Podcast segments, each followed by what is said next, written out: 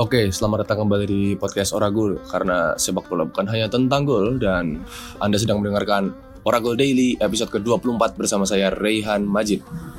Jadi ya setelah melalui banyak pertandingan ya nggak terasa Piala Dunia 2022 sekarang sudah memiliki sebuah tim yang menjadi finalis adalah Argentina yang memastikan langkahnya lebih dulu menunggu tim lain yang siap menyusul mereka di final gitu. Jadi Argentina berhasil mengalahkan Kroasia dengan skor yang meyakinkan 3-0 tanpa balas.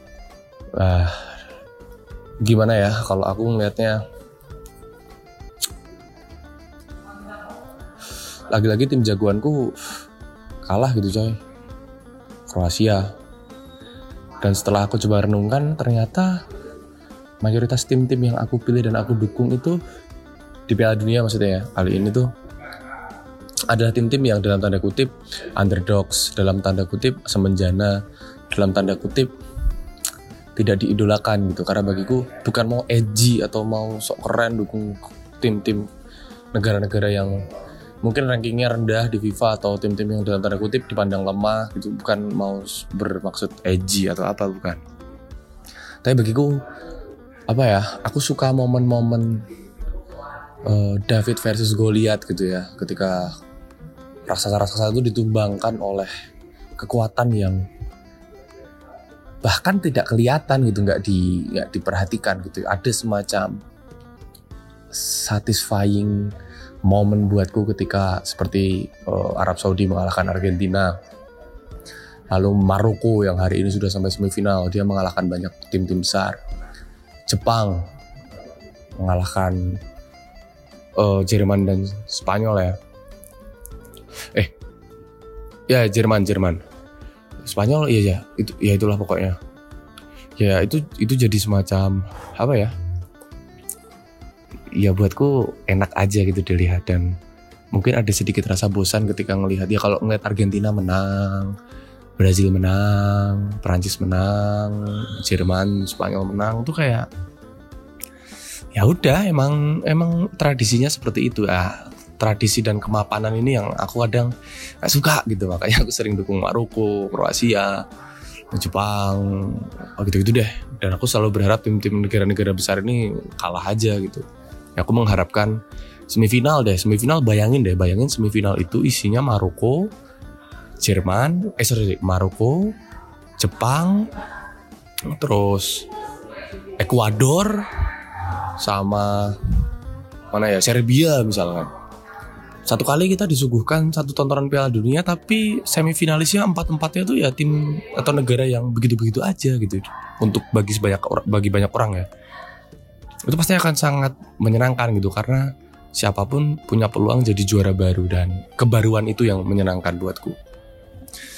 Oke, tapi apa pun ceritanya ya Argentina udah masuk final. 3-0 tanpa balas melawan Kroasia. Jadi bukti kalau tim Tenggo ini bener-bener dominatif ya.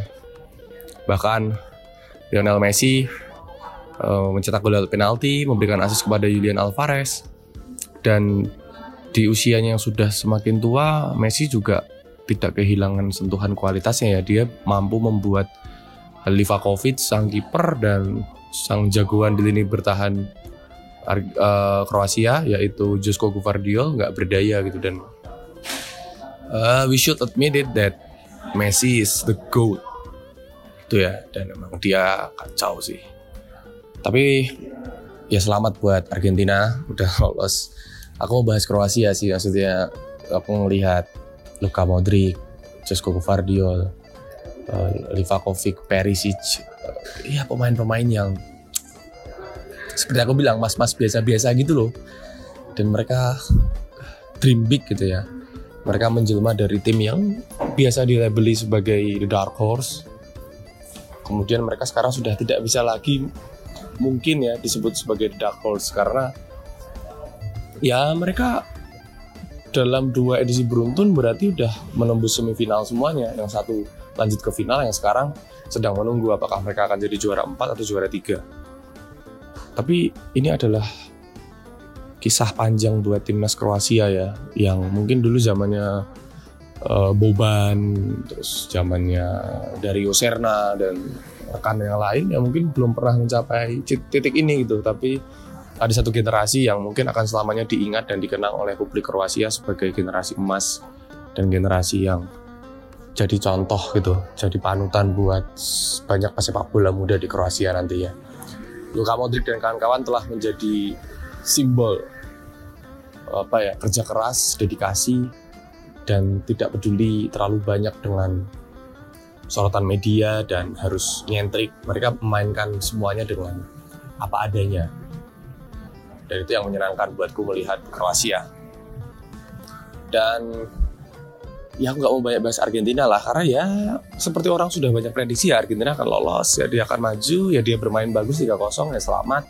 Tinggal menunggu Maroko atau Perancis yang nanti akan main ya. Tapi ini tribute buat Kroasia aja sih. Mungkin setelah ini kita nggak akan lihat lagi nama-nama seperti Luka Modric, Ivan Perisic dan siapa misalnya Ante Rebic ya mungkin bahkan Mandzukic udah nggak ada ya itu membuat akan ada wajah dari generasi baru Kroasia ke depannya dan kita patut tunggu apakah mereka mampu mewarisi apinya atau hanya mewarisi albumnya.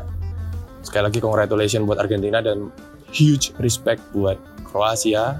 You make your own country proud and beautiful. Terima kasih telah mendengarkan Oragul dan sampai jumpa di Oragul selanjutnya. Dadah.